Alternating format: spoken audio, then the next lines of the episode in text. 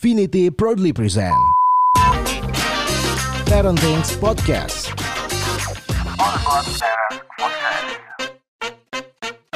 Halo Smart Parents, kembali lagi di Parenting Podcast All About Parents Voices Dan sekarang saya Andaru dan kita sudah ditemenin sama Kak Erika Halo. Selaku psikolog pendidikan anak Bertepatan banget nih dengan hari ini, ini hari syutingnya ya Ini adalah hari kesehatan mental sedunia ya Kak ya mm-mm. Kakak merayakan nggak?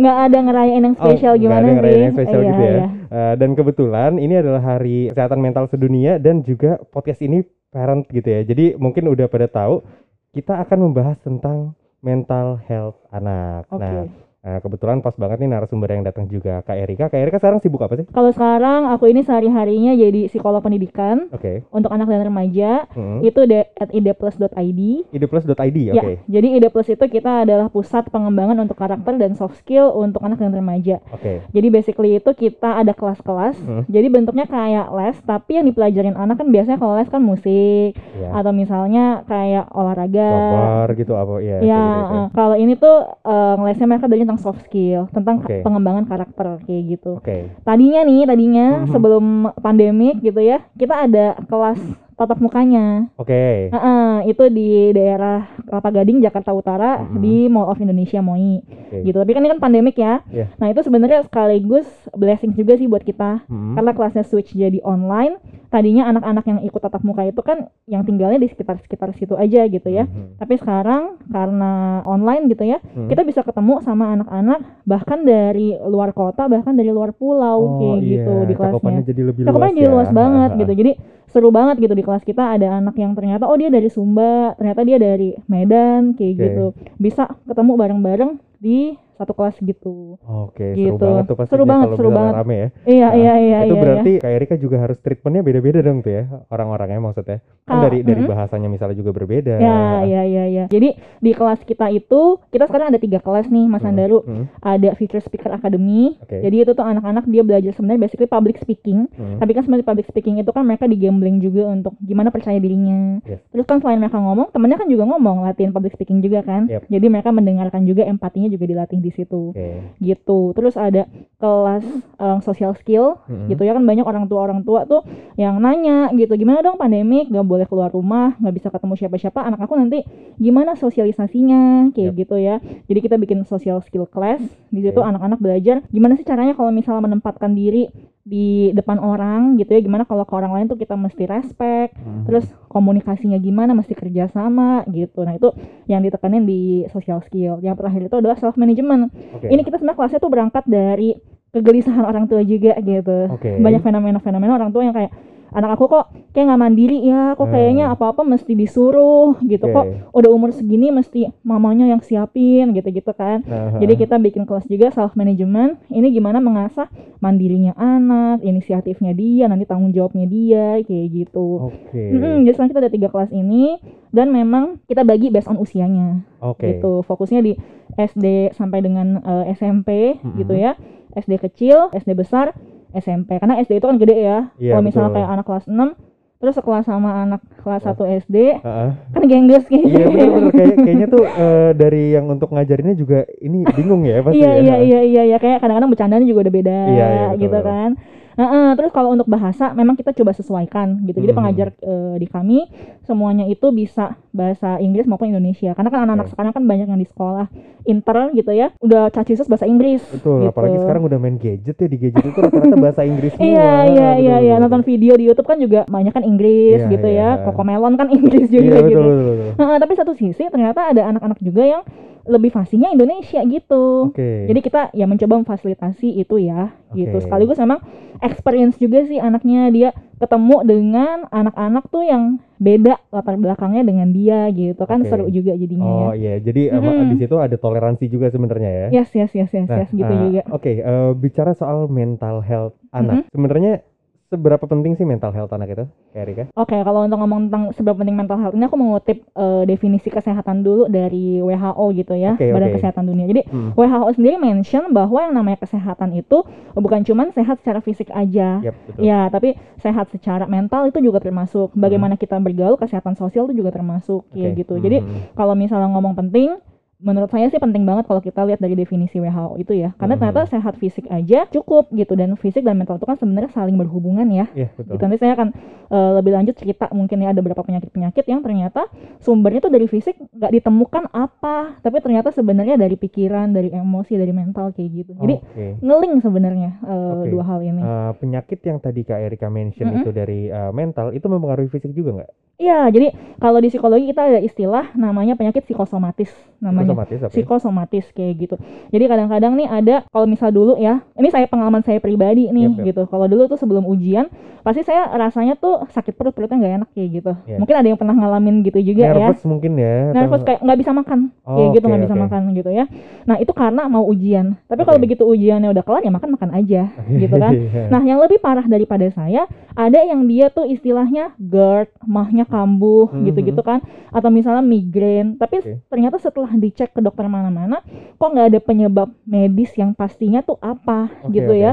Nah, tapi ternyata sumbernya adalah dari mental ini, dari emosi lah kebanyakan gitu ya. Ada yang merasa mungkin khawatir berlebihan, cemas berlebihan, kayak gitu kan, sehingga keluarnya akhirnya di tubuh fisik kayak gitu. Oke, berarti Mm-mm. ini bisa dibilang sangat serius juga ya. sangat gitu ya? serius betul betul karena emosi-emosi itu kan sejatinya mereka butuh butuh pelampiasan butuh pengekspresian gitu kan ya Hmm. makanya eh, ada yang bilang oh ya kalau anak cowok kan nggak boleh nangis gitu kalau anak cowok nangis cengeng lemah gitu gitu Iya, kan ha. padahal kan nangis itu kan sebenarnya ekspresi dari sedih sedih ya boleh dong nangis gitu kan Hmm. nah emosi yang nggak bisa tersalurkan nggak bisa terekspresikan itu terekspresikan lewat mana akhirnya lewat tubuh fisik gitu lewat penyakit gitu. Oh, Jadi mungkin buat smart parents nih ya, kalau Mm-mm. misalnya di rumah ada anak yang tiba-tiba sakit terus didiagnosa secara fisik itu ternyata tidak ada apa-apa, mungkin itu bisa jadi konsiderasi juga kak ya? bisa jadi bisa jadi bisa jadi ternyata Hmm. sebenarnya dari ada kekhawatiran berlebihan kayak tadi gitu Hmm. misalnya kok dia tiba-tiba tiap kali mau sekolah gitu Hmm. kan nggak enak badan sakit lah sakit perut mungkin sakit kepala gitu gitu kan Hmm, tapi hmm, itu mau sekolah doang kalau Oke. misalnya hari sabtu minggu libur eh sehat-sehat aja tuh pagi-pagi Iya, gitu iya, kan iya. nah ternyata itu bisa jadi mungkin di sekolah dia ketemu dengan temen yang dia nggak suka gitu Hmm. kan atau mungkin dia nggak suka dengan sekolah itu sendiri gitu sehingga udah langsung muncul gejala fisiknya begitu mau sekolah gitu Oke, nah Mm-mm. eh, sedikit pertanyaan mengenai hal itu. Ya. Kalau misalnya gejala-gejala itu muncul, nyembuhinnya tuh gimana sih kak biasanya? Oke, nah kalau seperti itu muncul, memang kita mesti cek dulu ya. Hmm. Ini memang eh, apakah karena fisik Hmm. atau karena sebab lain yang lebih psikologis, kayak Hmm. gitu kan. Kalau nilai sebabnya fisik, ya udah disembuhkan dengan treatment medis kayak gitu kan. Oke. Tapi ternyata kalau misalnya sumbernya dari psikologis, ya kita mesti tahu penyebabnya itu apa sebaiknya kayak gitu. Oke. Ya misalnya ternyata anak ini dia ada kekhawatiran berlebihan terhadap Hmm. sekolah. Kenapa dia bisa khawatir? Apakah jangan-jangan di sekolah dia dibully, kayak gitu kan sama hmm, temannya gitu ya. Terus dia nggak bisa cerita atau gimana kayak gitu. Nah jadi kita cari tahu dulu penyebabnya ini apa. Hmm. Terus ya kita bersama-sama bantu anak untuk bisa problem solving. Karena anak itu kan bagaimanapun dia masih masa eh, tumbuh kembang gitu ya. Mungkin bagi kita kita ngelihatnya ya ampun gitu doang gitu ya. Ya. Tapi kan bagi anak ya dia beneran terjadi pada dia dan dia merasa nggak nyaman dan dia bingung mesti gimana. Ya ini peran dari orang tua dari smart parents untuk mendampingi si anak menghadapi kondisi sulit itu gitu. Mm-mm. nah apalagi di beberapa kasus nih kak ada anak misalnya orang tua punya dua anak, anak pertama Ya. dan anak kedua itu kan treatmentnya eh, mungkin beda ya. Gitu. Benar, benar. Karena bisa aja tuh sama-sama dari orang tua yang sama nih, Iya, kayak gitu ya kakak adik kandung gitu kan.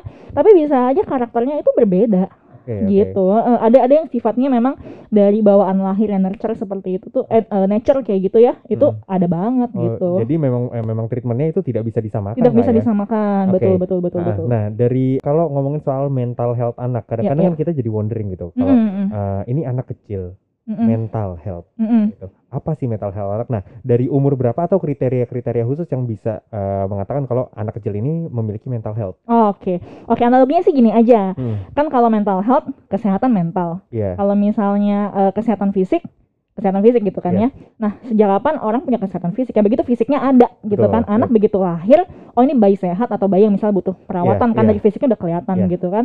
Jadi mental health dari kapan ya begitu orang itu punya mental gitu which is begitu lahir ya Hmm. udah ada gitu. Iya. Secara mental tuh udah ada gitu kan. Jadi dari kapan ya dari lahir gitu sebenarnya udah lahir ada. jadi sebenarnya sudah bisa didiagnosa juga sebenarnya ya kalau misalnya nanti eh, walaupun eh, kalau baru lahir kan biasanya nangis dan lain-lain Hmm, aja kan hmm, tapi hmm. misalnya udah umur-umur yang eh, dia sudah ada sedikit interaksi mungkin itu dari situ udah bisa kelihatan mungkin kayak Ya, ada sebenarnya ada beberapa gangguan-gangguan yang sifatnya bawaan lahir gitu ya. Kita Mhm. sebutnya neurodevelopmental disorder oke kayak gitu. Jadi seperti eh, anak-anak yang dia ada dalam spektrum autis gitu kan. Spektrum autis itu sebenarnya sudah dari lahir kayak gitu kan. Atau misalnya eh, dia itu tuh punya Down syndrome, itu kan even dalam perut saja sudah bisa kelihatan kayak Iya. gitu kan. Karena itu kan genetik ya. Mhm. Nah, kayak gitu kayak gitu sebenarnya ada yang dari lahir itu sudah eh, ya dalam tanda kutip terberi seperti itu kondisinya.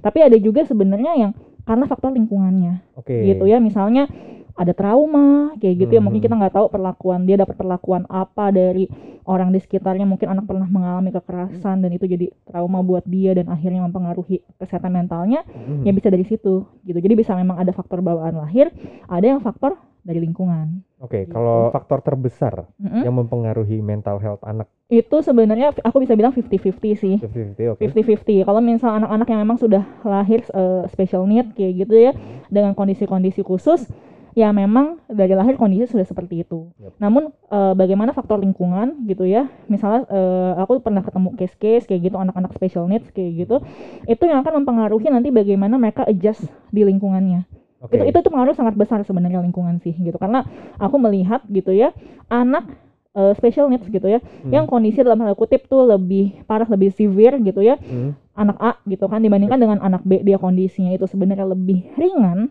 gitu Hmm. tapi bagaimana treatment orang tuanya gitu ya misalnya anak Ain tadi yang kondisinya lebih parah Mhm. tapi orang tuanya itu tuh rajin gitu ya rajin terapi di rumah juga PR-nya dijalanin kayak gitu Mhm. rajin stimulasi anaknya gitu ya Ah. lalu abis itu punya persepsi yang positif anak ini pasti bisa berkembang dan lain-lain gitu kan dibandingkan dengan anak B gitu ya Hmm. yang orang tuanya itu tuh eh, lebih frustasi putus asa gitu ya ah anak kayak gini mah udah nggak bakal bisa jadi apa-apa deh udah nggak bisa berkembang Oh, deh udah iya, putus iya, asa iya. sendiri dulu ya saya melihat perkembangannya gitu ya Hmm. prognosisnya lebih baik yang anak A oke jadi meskipun start awalnya itu katakan yang A ini dia lebih severe gitu kondisi lebih Iya. parah ya tapi orang tuanya tadi itu ya memperlakukan lebih rajin pandangannya Hmm. juga lebih positif dibandingkan dengan anak B yang startnya mungkin lebih baik gitu ya tapi orang tuanya tadi itu gitu ya pandangannya lebih negatif Hmm. pertumbuhannya akan lebih baik itu yang A Oke. itu saya lihat sendiri kayak Ah, gitu soalnya. Berarti memang support orang tua itu sepenting itu ya bisa dibilang Sepenting mungkin itu, mungkin itu nom- itu. nomor satu ya karena Iya, kan lingkungan yang terdekat gitu ya kayak. lingkungan yang terdekat dari orang tua betul betul Oke, betul ah, dan sekarang ini kan eranya media sosial ya. Betul, jadi informasi tuh wah Banyak banyak banget. banyak banget Iya, dan itu uh, filteringnya kadang-kadang susah juga. benar Dan benar banyak banyak juga sampai konten-konten di Instagram itu Mhm. ngomong ada yang uh, mengklaim aku punya uh, mental issue. Misalnya ada orang Ah, itu iya. sangat mudah sekali iya gitu. iya iya self diagnose ya Iya self iya iya diagnose. iya Nah, untuk mental health eh, kita nggak bilang yang ideal sih mental Mm-mm. eh, mental issue dia bisa mendiagnose mental health itu sebenarnya. Apakah memang ada patokan-patokan khusus Mm-mm. atau gimana sih kak? Oke, oke. Sebenarnya kalau untuk self diagnose, ya sekarang sering banget terjadi Iya, ya. benar, Gitu. Even aku pernah ada eh, rekanku juga sama psikolog gitu ya, dia Mhm. praktek di sekolah gitu. Ada eh, muridnya kelas 5 SD bisa Oke. self diagnose diri dia Kelas kayak 5 SD bisa self diagnose. Oke. Iya, Miss I have a anger problem katanya gitu. Jadi kalau Oke. misalnya aku marah terus aku mukul teman aku, ya because I have anger problem, Miss, kayak gitu katanya dia. So please Oke. understand me gitu-gitu Oke, kan. iya, Nah, iya. jadi kayak gitu even anak kelas Heeh. 5 SD aja dia bisa menjadikan isu mental health itu tuh sebagai excuse pembenaran buat dia. Jadi kalau Iya. aku mukul teman aku ya nggak apa-apa dong kan aku punya anger problem nih gitu kan kata dia. Hmm. Nah, jadi banyak yang kayak gitu juga gitu. Eh, orang tua juga banyak nih gitu kan. Misalnya kayak eh, kok anaknya eh, nggak mau kalau ngobrol sama orang lain tuh nggak mau gitu. Atau kadang-kadang Hmm. kok anaknya kayak ngomongnya nih masih sedikit-sedikit wah jangan-jangan nih autis gitu kan. Maksudnya Iya. belum apa-apa udah mikirnya autis kayak gitu kan. Sebenarnya memang paling tepat ya adalah dibawa ke profesional, ke psikolog, ke psikiater untuk mendapatkan diagnosis yang tepat kayak gitu. Cuma kan pertanyaannya sejauh mana nih gitu kan anak harus dibawa ke orang tua harus aware, orang tua eh, anak harus dibawa ke psikolog kayak gitu kan. Karena saya juga nemu case-case yang eh, orang tua cerita, kok anak aku kayak gini gitu gini gitu kayak nggak bisa berkembang gitu gitu ya. Tapi pas saya ketemu anaknya dia baik-baik aja gitu kayaknya ya. Iya. kayak ya ya, ya tipikal anak kelas 1 SD ya kayak gini gitu Oh, loh gitu oke. dengan ya segala memang anak ada kelebihan ada kekurangannya anak ada Ah. area kekuatan masing-masing gitu kan Iya, misalnya ada anak yang memang nggak tertarik akademis tapi di sosialnya bagus banget Yap. ada yang sebaliknya gitu kan Mhm. ya jadi memang orang tua juga perlu diedukasi kayak gitu Oke. nah jadi sejauh mana orang tua tuh perlu aware dan oh kayaknya dari something wrong nih gitu ya. Nah. Perlu aku cek lebih lanjut gitu kan. Yang pertama sih kalau menurut aku adalah kita cek milestone-nya dulu. Kan ada Tahapan- milestone tahapan tahapan tumbuh ya. kembang, tahapan tumbuh kembang anak ya gitu kan. Misalnya berbicara Mhm. gitu kan. Kalau di usia misalnya eh, 12 bulan itu sudah semana, kalau misalnya usia satu setengah tahun semana, dua tahun semana kayak gitu kan ya. Iya, iya. Nah jadi kita cek dari situ dulu tuh. Biasa kan ada eh, red flags-nya gitu kan gitu ya, atau Mhm. tanda-tanda yang orang tua mesti aware kayak gitu. Iya. Misalnya kayak oh eh, tidak ada kontak mata nih kayak gitu, Mhm. nggak ada senyum sosial nih gitu kan. Terus misalnya belum ada eh, kata pertama nih sampai usia 14 bulan misalnya kayak gitu karena itu orang tua perlu aware. Jadi menurut saya sih yang pertama adalah ngacu dulu ke milestone tumbuh kembang Oke. kayak gitu gitu kan. Jadi cek dari situ dulu kalau misalnya emang ada keterlambatan kayak gitu apalagi sudah nyampe ke red flags apalagi misalnya bisa eh, di 12 bulan red flags 18 bulan red flags lagi gitu kan. Nah, itu kan Hmm. udah sebaiknya cek deh ke profesional ke psikolog atau ke psikiater gitu kan kenapa kok anak bisa eh, dia nggak meet the milestone kayak gitu jadi pertama Oke. itu dulu gitu kan kalau anaknya udah lebih besar gimana gitu ya Mhm. nah itu biasanya kita perlu aware kalau misalnya ada perubahan gitu perubahan perubahannya itu tuh yang eh, arahnya tentu saja ke arah yang lebih buruk kayak gitu ya misalnya kok dulu dia he- anak yang happy ceria Yes. sama orang tuanya kok dia mau cerita gitu Mhm. kok tiba-tiba dia jadi lebih mengurung diri ya gitu ya kok tiba-tiba ditanyain langsung marah-marah ya gitu ada perubahan gitu kan yang drastis dan ke arah yang lebih eh, negatif kayak gitu Oke. gitu nah itu kita juga perlu aware dan perubahannya itu eh, kuncinya adalah sudah mengganggu eh, fungsi anak nih misalnya kayak di sekolah nilainya menurun kayak Ya. gitu kan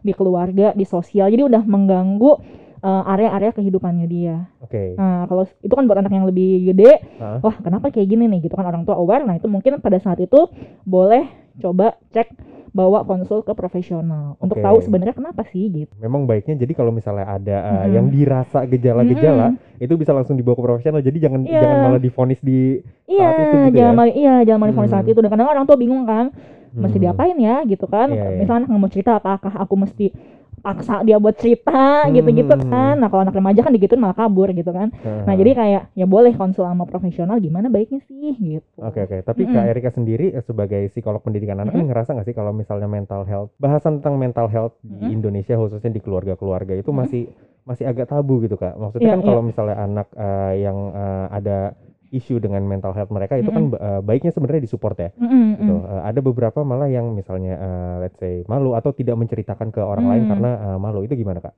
Iya iya iya iya. Ya bener banget sih memang masih dianggap eh, tabu dan kadang-kadang karena banyak orang tua yang belum tahu, belum teredukasi, akhirnya jadi nggak sadar gitu loh Hmm, bahwa oh ini tuh udah udah udah udah something wrong ya sebenarnya ya Hmm, gitu. Kayak misalnya saya ada klien kayak gitu kan, anaknya itu sebenarnya dia telat bicara sampai dengan umur 4 tahun Oke. gitu kan. Terus sebenarnya kan udah udah telat gitu kan. Cuma karena orang tua yang nggak tahu dipikir oh anaknya nih anak yang anteng, anak yang diem, Iya, anak yang iya. tenang. Jadi ya she's okay aja with that gitu kan. Jadi begitu dibawa begitu dibawa ketemu oh udah telat gitu maksudnya. Tapi masih tetap bisa kita intervensi sih meskipun eh, sooner better kan sebenarnya kayak gitu. Jadi memang eh, ada beberapa masih banyak lah orang tua yang sebenarnya bukannya malu doang sih, tapi nggak ngehnya itu gitu, nggak Oke. ngeh bahwa oh ada milestone yang masih dicek ya gitu. Oh ternyata ada eh, tumbuh kembang gitu ya mental health ini perlu kita perhatikan kayak gitu-gitu kan. Ya memang sih saya juga pernah baca surveinya bukan cuma di Indonesia doang ya, Hmm. bahkan di luar negeri di dunia gitu-gitu. Orang tua tuh masih lebih concernnya emang eh, kepada akademis gitu ya. Soalnya kalau Oke. kita ingat-ingat kan kalau orang tua telepon anak gitu ya, pertanyaannya kan eh, kamu lagi di mana? PR udah dibikin apa belum? Iya, gitu iya, kan iya ya. banget. Ulangannya dapat berapa Iya, iya. gitu ya. Dibanding dengan kayak eh kamu seneng gak sih di sekolah Iya, kamu gitu happy ya. Iya, Gitu iya. kan. Kamu temennya siapa aja sih? Iya, gitu-gitu iya, iya. kan. Kamu di sekolah dibully apa enggak sih? Ah. gitu kan. Kayak itu udah jarang banget gitu orang tua tanya. Biasa kan kayak udah makan apa belum? PR udah bikin apa belum? Lebih ke, Iya. ke situ gitu kan. Iya, padahal sebenarnya em, ya kondisi mental itu kan pengaruh juga ke ke ke yang lain gitu kan. Mhm. Ketika anak dia di sekolah dia happy gitu, dia seneng ya. Secara otomatis akademisnya juga bisa ikut ke ikut naik gitu dari sana juga Oke, gitu berarti sih. eh, secara langsung memang komunikasi itu yang yang bikin eh, orang tua jadi ngeh gitu ya. Ya, Tapi ya, kan ada ya. beberapa case yang misalnya anak itu nggak mau cerita. Ya, Nah, itu biasanya eh, kenapa sih anak itu nggak mau cerita sama orang tua? bisa ada beberapa alasannya. Bisa ada Hmm. beberapa alasannya. Saya pernah ketemu gitu pasangan orang tua sama anak gitu. Hmm. Begitu anaknya ngomong satu kalimat gitu ya. Hmm. Nah, orang tua itu langsung kritik satu paragraf. Eh, kok kamu ngomongnya gitu? Maksudnya jangan gitu dong. Maksudnya kayak gini, kayak gini, kayak gini Oh, gitu kan. iya. Nah, coba kita bayangin begitu kita baru mau ngomong gitu ya satu kalimat, tiba-tiba udah dipatahkan dengan satu paragraf Iya, gitu kan. iya, iya. Pasti kan bawaannya apa? Ya udah aku nggak usah ngomong aja, mama yang bener gitu, mama aja yang ngomong terus sana gitu-gitu kan jadinya. Hmm. Bisa karena itu juga gitu ketika mau cerita eh dipatahin gitu kan. Oke. Bisa juga karena memang nggak ada uh, kebiasaan habit culture untuk bercerita di keluarga itu Oh gitu iya, jadi kayak mungkin lebih dingin gitu ya. Iya, maksudnya lebih lebih pembicaraan lebih yang kayak itu, udah makan apa belum gitu Oh, kan. iya, Besok iya. ada PR enggak? Oh ya udah gitu selesai gitu Hmm, kan. Hmm, hmm. Close gitu kan.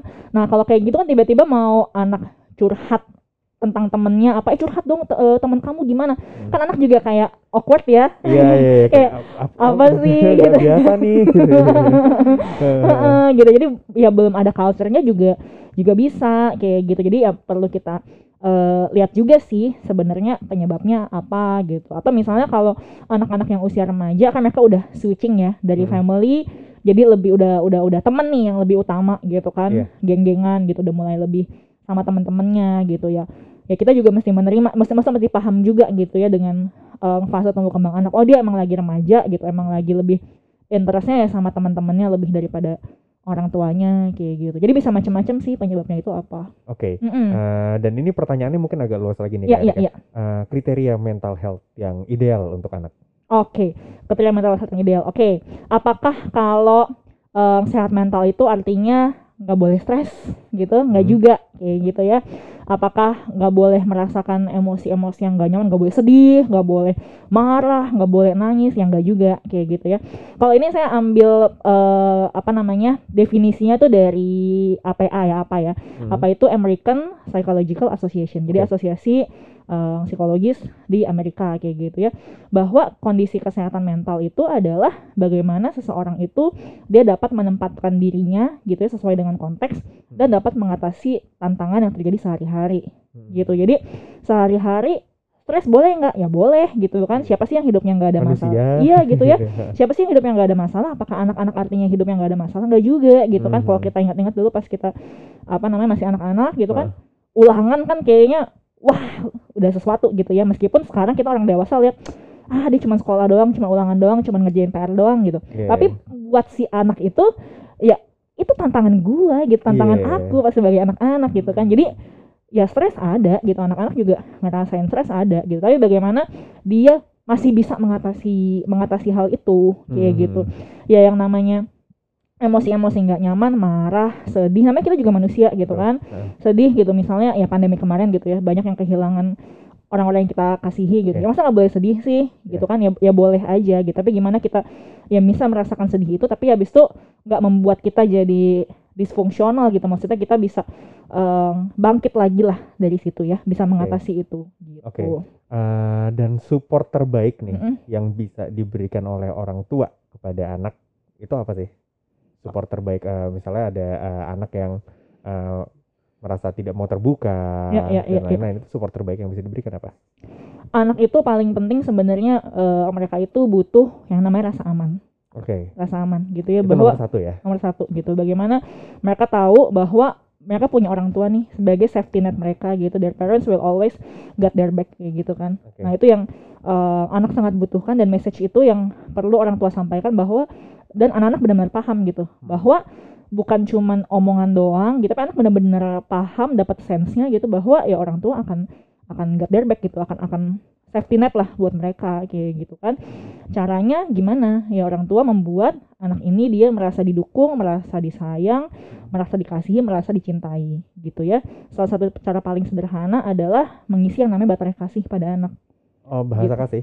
ya Iya. baterai kasih Oh, baterai gitu ya kasih. Oke. Heeh, jadi konsep baterai kasih itu ya sama sebenarnya seperti bahasa kasih. Bagaimana sih cara seseorang itu anak juga gitu ya, dia merasa didukung, dicintai, dihargai, dikasihi oleh orang tuanya, Oke. kayak gitu ya. Itu ada lima jalurnya tuh, gitu ya. Waktu yang berkualitas, pemberian bantuan, terus kata-kata motivasional, sentuhan, fisik, fisik ya. ya sama pemberian hadiah gitu kan. Nah, ini lima-limanya itu perlu dicas perlu diberikan kepada anak ya Oke. tapi memang kita perlu eh, ingat gitu kita perlu pahami bahwa ada beberapa ada beberapa nih mungkin satu atau dua biasanya yang itu em, dibutuhkan lebih oleh anak gitu. Misalnya anak itu dia tipenya yang quality time. Oke lima limanya itu dia dapat tapi Hmm. dia butuh quality time tuh more than Yang lain ya. others gitu. Oke, iya gitu. Jadi itu dia tuh bagaimana kita eh, or- eh, smart parents orang tua itu bisa membuat anak itu dia merasa didukung dan dicintai oleh eh, keluarganya kayak Oke, gitu itu sebenarnya nomor satu nomor satu banget ya. Jadi Ya. eh, kita harus eh, mengetahui dulu nih kira-kira Mm-mm. kebutuhan love language anak anaknya tuh betul apa. betul Baru betul itu yang betul mungkin akan kita kasih dengan paling banyak gitu betul Kak, ya. betul kita mengisinya dengan rutin jadi Mm-mm. makanya eh, saya sebutnya baterai gitu karena kayak Hmm. handphone kita aja kalau handphone kita lowbat kan kita langsung buru-buru mau ngecas gitu kan ya Oke. Heeh, baterai kasih juga gitu bukan setahun sekali terus ya kan udah kemarin kita jalan-jalan Oh, liburan jadi itu gitu. memang harus rutin harus diberikan rutin harus gitu rutin ya. diberikan Oke, gitu. oke, oke, oke. Heeh, dan lima limanya itu penting bukan cuman kayak oh anak aku tipenya hadiah. Ih berarti aku kasih hadiahnya aku nggak perlu spend waktu sama dia. Nggak gitu juga maksudnya. Iya, Iya, iya. kayak lima limanya rutin diberikan gitu. Cuma ada yang ada satu ada satu atau dua yang lebih gede lah kayak gitu Oke, jangankan jangankan sama anak gitu ya yang masih kecil kadang-kadang yang udah dewasa pun kalau lagi menjalin hubungan entah dengan pacar atau ya suami betul istri misalnya yang banget belum ada anak, Mm, mm, mm. itu juga sama kan kayak. Betul betul betul. Jadi ini konsep bagaimana kita ya menjalin hubungan ya dengan orang lain bisa dengan anak, dengan pasangan juga gitu ya suami Mhm. istri ya juga ingat juga gitu love language masing-masing gitu ya. Mm. Sama teman juga bisa gitu. Jadi Oke. bisa diterapkan di mana-mana sebenarnya. Mm-mm. Nih, eh, kalau anak Mm-mm. Nggak mau dibilangin, Ah oke. Heeh. Mm-mm. nggak mau dibilangin, misalnya Mm-mm. sama orang tuanya disuruh A, disuruh B, disuruh C gitu, Mm-mm, tapi dia nggak mau ngelakuin itu. Mm-mm. Itu biasanya tuh apa sih faktor di balik itu? Biasanya kan pasti ada eh, sebab akibatnya ya kayak. Iya iya iya iya. iya. Mhm. Nah eh, ini ada beberapa penyebabnya juga Hmm. dan ini terkait juga sama eh, tumbuh kembang anak fase tumbuh kembang anak. Oke. gitu ya. Misalnya kayak anak usia kayak anak saya nih, anak saya kan usia 2 tahun kayak Oke, gitu kan. ah, Nah, itu tuh dia lagi mulai mengembangkan kemandiriannya. Oke. Dia kayak mau ngelakuin apa-apa sendiri gitu. Oke. Jadi kalau sebelum usia itu kan em, ya mungkin kemampuan motoriknya juga belum terlalu baik gitu kan semuanya kita bantuin baju Mhm. semua kita pilihin kita pakein makan disuapin kayak gitu kalau sekarang tuh dia mau lagi apa apa sendiri kayak Oke. gitu jadi kita pahami memang dia lagi di fase itu kadang-kadang kita gregetan sendiri kan liatnya kan kok makan berantakan gitu ya pakai baju kok lama gitu gitu kan Hmm. tapi ya memang itu lagi fasenya dia dia mau inisiatif kayak gitu loh Oke. lagi mau men- mem- membangun kemandiriannya dia Yep. justru situlah kita memberi kesempatan pada dia supaya dia bisa mandiri Hmm. kayak gitu ibaratnya gitu kan nah kalau misalnya eh, fase lainnya lagi nih udah di remaja kayak gitu Hmm. kan remaja itu kan sudah dia antara anak-anak mau ke dewasa gitu kan. Mulai ada pemikiran sendiri idealisme sendiri kayak gitu kan. Dan kadang-kadang remaja itu ya dia merasa bahwa eh, yang benar aku gitu kan. Iya, apa iya. sih eh, mama papa udah ketinggalan zaman lah kayak gitu kan. Yep. nggak ngerti gitu kan duniaku. Tapi satu sisi dia masih tergantung sama mungkin secara finansial secara emosional sama orang tuanya kayak gitu kan. Nah jadi memang eh, di situ dia ada udah mulai ada kehendaknya sendiri Oke. kayak gitu kan dan faktor lainnya lagi kadang-kadang tuh eh, banyak juga orang tua di luar sana yang ngasih tahu sesuatu kepada anak tapi nggak nggak ada reason yang jelas gitu yang logis Oke. oke. Misalnya, Ha. iya, Mhm. misalnya kayak nggak boleh misalnya eh, pergi malam-malam misalnya kayak Hmm. harus di rumah tuh eh, jam 7 malam udah harus di rumah Iya, gitu tapi kayak why kenapa Hmm, gitu hmm, kan hmm. Ya pokoknya karena papi bilang gitu gitu kan nggak Oke. dijelasin kenapanya gitu Ah. kan atau misalnya kayak eh, nonton video gitu kan main Hmm. game gitu sehari cuma boleh satu jam sampai dua jam Hmm. tapi ya why-nya kenapa nggak dijelasin gitu ya Oke. em, selalu reasonnya kayak because, because I said so jadi ya lu anak lu ikutin dong kayak gitu kan kadang-kadang Iya, sedangkan anak tuh butuh tahu betul ya. betul ha. banget betul banget gitu Oke, oke. anak itu sebenarnya ya butuh reason yang jelas kayak lah emang kenapa sih? Gitu-gitu kan. Ya bisa Hmm. karena emang mereka pure nggak ngerti nggak tahu kayak mungkin kita sebagai orang dewasa udah mikir ya ya tau lah kan bahayanya gitu kan. Ya tau lah mesti kayak gini. Cuma kan anak ya belum diisi gitu ibaratnya. Datanya Iya, belum ada gitu loh. Mhm. jadi emang reasonnya perlu dijelasin juga kenapa kayak Oke. gitu Mm. Kadang-kadang anak anak itu eh, walaupun aku belum punya anak nih kayak Iya, iya, tapi iya, iya. aku eh, bertemu dengan beberapa Iya. sepupu atau om yang Mm, punya mm, anak kecil. Mm-mm. Anak kecil itu suka mempertanyakan hal-hal yang kompleks yang bikin aku bingung ngejawabnya gimana nih kalau untuk anak kecil.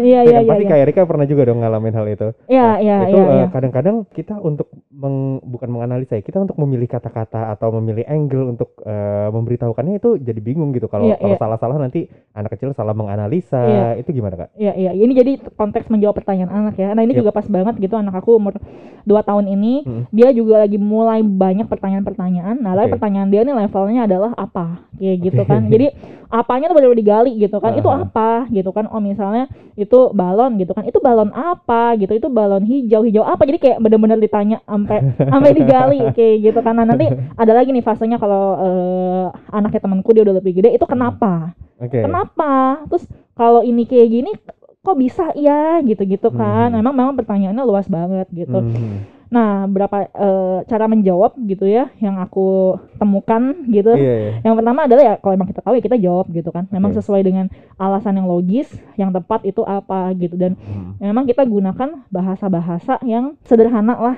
gitu ya. Oke. Maksudnya ma- Yang mudah dimengerti gitu. ya hindari jargon-jargon yang emang teknikal kan anak juga belum ngerti apa ya Yap. gitu. Nah, terus habis itu yang ketiga kalau bisa kita gunakan analogi sesuai dengan ceritanya dia. Mhm. Kayak gitu gitu. Misalnya dia suka lihat film apa atau di cerita film itu ada apa, kita analogikan di film itu kayak Oke. gitu. Heeh. Terus habis itu yang keempat ini trik saya banget kalau misalnya kayak lagi no idea banget gitu kan ya, mau jawab apa, saya balik nanya. Misalnya iya misalnya kayak itu balon apa? Oh, balon apa ya itu ya? Oh. Kayak balik nanya gitu ke dia. Nah, karena kadang-kadang anak tuh juga sebenarnya udah ada pikiran sendiri gitu. Cuman dia pengen nanya aja ya. Cuman dia pengen nanya Oh, be- yang eh, benernya gimana sih oh, kayak iya, mungkin iya, dia ada iya. hipotesa ya. valid- eh, make sure. Make sure gitu. Aha. Oh, itu balon apa sih? Tadi dia jawab gitu kan. Aha. gitu jadi dan kita bisa oh iya iya benar-benar kayak gitu gitu kan nah atau enggak kadang-kadang em, bisa juga dengan kita nanya gitu kita tahu sebenarnya udah ada di pikiran kepala dia tuh apa sih gitu Iya, kan iya. biasa kan orang tua orang tua tuh paling takut gitu ya apalagi Hmm. kalau misalnya anak tuh nanyanya udah menyerempet ke pendidikan seksual kayak gitu kan kayak Mhm. eh mi mami kok eh adek bayi tuh lahir dari mana sih nah orang Ya. tua udah "Oh, gimana nih jawabnya gitu gitu kan nah Ah. nah itu coba tanya dulu aja yang dia pahami tuh apa sih yang udah ada di data di pikiran dia tuh apa sih gitu kan bisa Oke, oke. meluruskannya udah lebih gampang kayak gitu kan. Jadi ya bisa gitu balik nanya. Atau misalnya kalau dia tanya yang teknikal banget gitu yang kayak kita belum ngerti kayak gitu Hmm. kan ya itu emang akuin aja. Oh mami mami juga belum tahu tuh nah kita coba ca- eh, cari tahu bareng-bareng ya kenapa ya bisa kayak gitu ya gitu-gitu. Ha. Mm-mm, mm. jadi nggak selalu pertanyaan itu harus dijawab dengan dengan fakta kayak gitu ya. Tapi Iya, maksudnya anak cuma cuma cuma perlu direspon sih Oke. iya jadi ketika nanya oh kita ngerespon dia gitu even though meresponnya juga dengan pertanyaan atau cu- atau dengan kayak eh tahu dari mana sih ini kayak gitu kan Oke, yang penting oke. responnya itu sih Oke, gitu oke. dan jangan dikat ya saya juga pernah lihat orang tua yang anaknya banyak nanya gitu-gitu kan apa sih nanya mulu sih udah diem aja diem aja ganggu gitu-gitu Hmm. Nah, kan itu juga aku iya sering aku sering melihat ya. sering melihat kayak gitu ya iya ya padahal Hmm. dengan bertanya itu sebenarnya itu curiosity-nya anak loh yang sebenarnya ini bekal bagus banget loh ketika nanti dia dewasa gitu kan dengan dia pengen tahu dia pengen terus belajar pengen terus ngembangin diri which is good gitu jadi jangan Yep. sampai curiosity ini kita cut dan malah kita label mengganggu gitu sayang jangan Oh, banget oke. sayang itu, banget itu akan berdampak eh, sampai nanti ya biasanya. Iya ya? sampai nanti misalnya kayak ah ngapain sih gua cari tahu tentang hal ini kayak Oke. gitu-gitu nanti gua ganggu aja gitu-gitu kan mungkin dia ternyata sebenarnya ada opportunity di situ ya nggak Iya, sih iya, betul, sekarang ini betul. kan eranya orang bikin startup orang bikin usaha kan semuanya dari keingintahuan gitu Yes, yes, kan betul, gitu jadinya Oke. Ya, jadi untuk smart parents nih Mm-mm. itu eh, poin yang sangat penting itu tadi barusan daging daging banget tuh jangan Mm-mm. jangan dikat gitu jangan ya. dikat bener Nah, banget Nah, Kak, kalau anak itu kan eh, biasanya ngikutin orang tua. Ya. Iya kan? Eh, Jadi kadang-kadang kalau orang tuanya ngomong A, Mm-mm. misalnya kamu kamu ini ya, tapi orang tuanya melakukan hal yang sebaliknya. Ah, Anak lebih cenderung ikutin ngikutin iya orang benar tua. benar benar ini, banget Ini itu sampai maksudnya berlaku hanya untuk anak kecil SMP Mm-mm. SMA kah atau atau anak SDK atau sampai kita dewasa selama kita masih hidup dengan orang tua tuh kita eh, ini kita akan berpengaruh yang seperti itu itu sampai dewasa sih sampai dewasa ya? ya ibarat kita kayak di kantor gitu ya di kerjaan Mhm. gitu kan misalnya bos ngomong apa nggak boleh eh, nggak boleh tang telat ya tapi bosnya sendiri tang telat kita kan kayak Ah, ya dia aja telat ya gue juga ngapain gue on time gitu ah. kan ya sebenarnya iya. ngaruhnya juga sampai sampai sampai dewasa kayak gitu oke. kan ah. karena ya kita lebih cenderung sebenarnya mengikuti apa yang kelihatan sih dibanding cuman apa yang diomongin doang gitu Oke, Mm-mm. jadi eh, berarti solusinya adalah orang tua itu eh, atau mungkin kakak gitu ya atau walk ibu. the talk sebenarnya Iya, ha. Mm-mm. Oke. Jadi memang Mm-mm. lebih penting adalah dicontohin sebenarnya karena anak itu Dicontohin anak itu akan akan eh, menganggap itu sebagai influence gitu ya. Iya benar, misalnya kayak simpel-simpel deh kayak eh, mandi dua hari sekali ya pokoknya pagi mandi ya sama sore. Mhm. Tapi orang tuanya sendiri kadang mandi kadang enggak gitu-gitu kan anak kan juga bisa wondering gitu kenapa aku disuruh mandi ya mami sama papi enggak ya makan di Oh, meja iya. makan makan nggak makan kamu nggak boleh sambil nonton video ya tapi papinya makan sambil main game sambil nonton YouTube Ah. gitu-gitu kan dia kan juga kayak kok pasti papi boleh aku nggak boleh ya kan Iya. anak juga tanya bertanya-tanya kayak Iya, gitu oke, iya. Ha. Mm-mm. Berarti ini gimana sih cara eh, cara terbaik, bukan di- cara Mhm. paling tepat mungkin ya, Mm-mm. untuk orang tua menjaga kesehatan mental anak sejak dini. Sejak dini, oke. Kalau sejak dini, saran dari aku adalah sebagai orang tua, ini apalagi kalau misalnya belum jadi orang tua gitu ya mas ya. Paling baik adalah kita mencoba menyelesaikan diri kita sendiri dulu, Oke. gitu. Kita maksudnya eh, menyelesaikan, mungkin kita ada unresolved conflict, kita masih ada trauma apa, kayak Mhm. gitu aja. Kita selesai dengan diri kita sendiri dulu, Oke. gitu. Jadi ketika kita memang punya anak, ya kita sudah sudah siap gitu menjadi menjadi orang tua itu, gitu kan. Kita bukan cuma punya anak karena ya habis tanya-tanya terus sih eh, udah nikah kapan punya anak kayak gitu Iya, gitu iya, kan bukan cuma iya. buat itu doang Iya, gitu iya, kan iya. ya bukan cuma memenuhi kok apa namanya tuntutan iya ya, gitu. gitu kan tapi memang kita ya kita udah ready kita siap bertanggung jawab untuk membesarkan si anak ini nih gitu gimana gitu kan dan memang dengan eh, sadar dengan diri sendiri itu tuh kita jadi lebih apa ya lebih mau terbuka lebih mau menerima ketika ternyata masalahnya itu di kita loh bukan di anak gitu kan misalnya Oke. ada eh, case-case kayak gitu ya. Eh, contoh deh waktu itu yang aku pernah baca juga. Jadi nih eh, orang tua ini dia punya anak eh, dua gitu kakak sama adik gitu ya. Nah eh, dia itu selalu marah banget, kesal banget kalau lihat si kakaknya ini nyuruh-nyuruh adiknya dia. Oke. Padahal kan kayak anaknya kan salahnya nggak segimana gitu ya. Maksudnya Iya. kakak nyuruh adiknya doang. Tapi Iya, iya. orang tuanya ini si maminya ini tuh bisa marah banget, kesal banget begitu melihat kejadian itu gitu. Ternyata eh, si maminya ini pas dia masih kecil, Mm-mm. pas dia masih jadi anak-anak, dia tuh dulu sering disuruh-suruh sama kakaknya. Oke. Dan dia nggak happy banget sebenarnya, kesel banget. Tapi kan dulu dia anak, dia nggak berdaya gitu kan. Iya. Dia lebih kecil daripada kakaknya kan, nggak bisa ngelawan gitu. Mhm. Ketika sekarang dia jadi orang tua, dia melihat kejadian itu, ke-trigger lagi tuh eh, Mhm. trauma masa lalunya dia gitu kan, Oke. hal yang bikin dia nggak nyaman dulu gitu. Sehingga Mhm. dia marah berlebihan Hmm. untuk hal yang sebenarnya sepele. Iya, dan itu gitu. sebenarnya problemnya orang itu yang belum selesai juga. Orang tuanya gitu. sendiri itu maminya itu sendiri yang dia belum selesai dengan dirinya Oke. gitu. Jadi dengan kita ngeh tentang hal ini, kita pun jadi ya memang sih maksudnya kadang-kadang eh, hal-hal yang berhubungan dengan mental health itu tuh banyak yang sifatnya kayak ranjau ya. Kalau iya. misalnya emang nggak ada penyebabnya nggak ke-trigger gitu dan ketika jadi orang tua ya memang banyak men-trigger ranjau-ranjau masa lalu mungkin yang masih tersisa gitu ya. Oke. Nah, jadi dengan ngeh hal ini diharapkan mungkin smart parents, orang tua di luar sana gitu ya, bisa lebih ngeh sih gitu ya kayak kok ini hal sepele tapi kok kayaknya aku marahnya marah banget ya. Aku kayaknya frustasi, aku kesel banget segininya gitu. Kayak pernah ada orang tua yang cerita sama aku juga.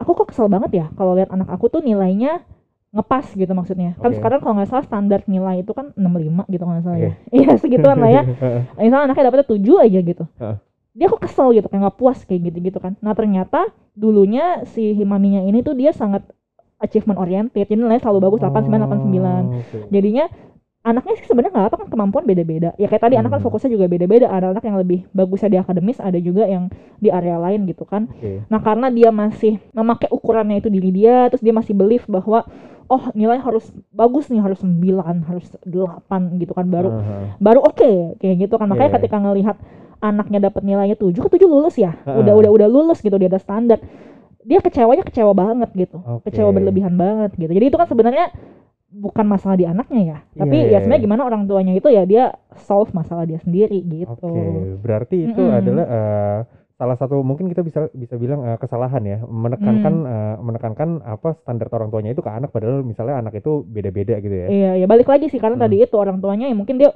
belum paham soal ini gitu Iya, ya iya, ha. jadi ngerasanya anaknya yang yang punya masalah gitu loh Hmm. maksudnya lupa untuk ngecek ke ke dirinya sendiri sebenarnya Oke. gitu. Nah, Kak Erika, ini pertanyaan Mm-mm. terakhir nih. oke Kalau eh, untuk orang tua Mm-mm. mendiagnosa Mm-mm. apakah anakku ada eh, misalnya eh, mental health issue Iya, iya, dan iya. lain-lain, itu eh, dia itu bisa mendiagnosa sendiri atau butuh ke psikolog sih sebenarnya? saran aku sih sebaiknya untuk diagnosa yang spesifiknya karena kan Hmm. diagnosa itu kan berlanjut dengan what next intervensi atau terapinya itu mesti kayak gimana gitu kan Hmm, saran aku adalah bawa ke profesional oke. sehingga bisa benar-benar eh, apa namanya didiagnosa dengan tepat Hmm. dan abis itu ya langkahnya berikutnya apa Oke. gitu. Malah kalau bisa orang tua sama anaknya bareng tuh ya, sama-sama konsultasi. ya? biasanya sih kalau saya Hmm. misalnya kliennya itu adalah anak, pasti Hmm. saya minta ketemu sama orang tuanya dulu. Oke. Ya untuk kayak ngobrol gitu kan dengan orang tua emang kondisinya seperti apa sih gitu kan sejak kapan terjadi seperti ini emang di rumah itu eh, stimulasinya seperti apa kayak gitu kan. Terus habis itu apa yang sudah orang tua eh, lakukan kayak gitu Hmm. dari situ habis itu saya baru melihat kondisi anaknya kayak gimana. Biasa Oke, gitu sih. ha-ha. Jadi eh, untuk para orang tua jangan ragu gitu ya karena eh, i- eh, men- eh, mental health eh, masalah mental health ini di sini sebenarnya sangat penting gitu dan Iya. eh, seserius itu sebenarnya ya untuk Iya, untuk iya. diselesaikan. Iya, Jadi iya, ini iya, bukanlah hal yang tabu sebenarnya gitu karena Iya. akan mencakup kehidupan anak sampai eh, nanti Sampai dia dewasa, dewasa. nanti. Iya iya iya iya iya Oke, iya. iya. kalau gitu Kak Erika, thanks a lot udah datang. Makasih, eh, makasih banget Thank you, kesempatannya. thank you juga untuk Smart Parents dan jangan lupa nanti kalau misalnya ada yang mau ceki ceki Instagramnya ya kayak Iya iya. uh, untuk konsultasi anak tuh bisa nanti kita taruh di link deskripsi. Ya, sip. Dan untuk yang ngerasa kebantu dengan konten dan channel ini jangan lupa di subscribe, like, nyalain lonceng notifikasinya dan share ke teman-teman smart parent semua yang kira-kira butuh inspirasi dan edukasi bagaimana cara merawat mental health anak ya kak ya. Hmm. Oke kalau gitu aku Andaru pamit. Thank you sekali lagi kak Erika. Makasih kesempatannya. Sampai ketemu di episode berikutnya. Dadah. Bye bye. Parenting Podcast. All about parents.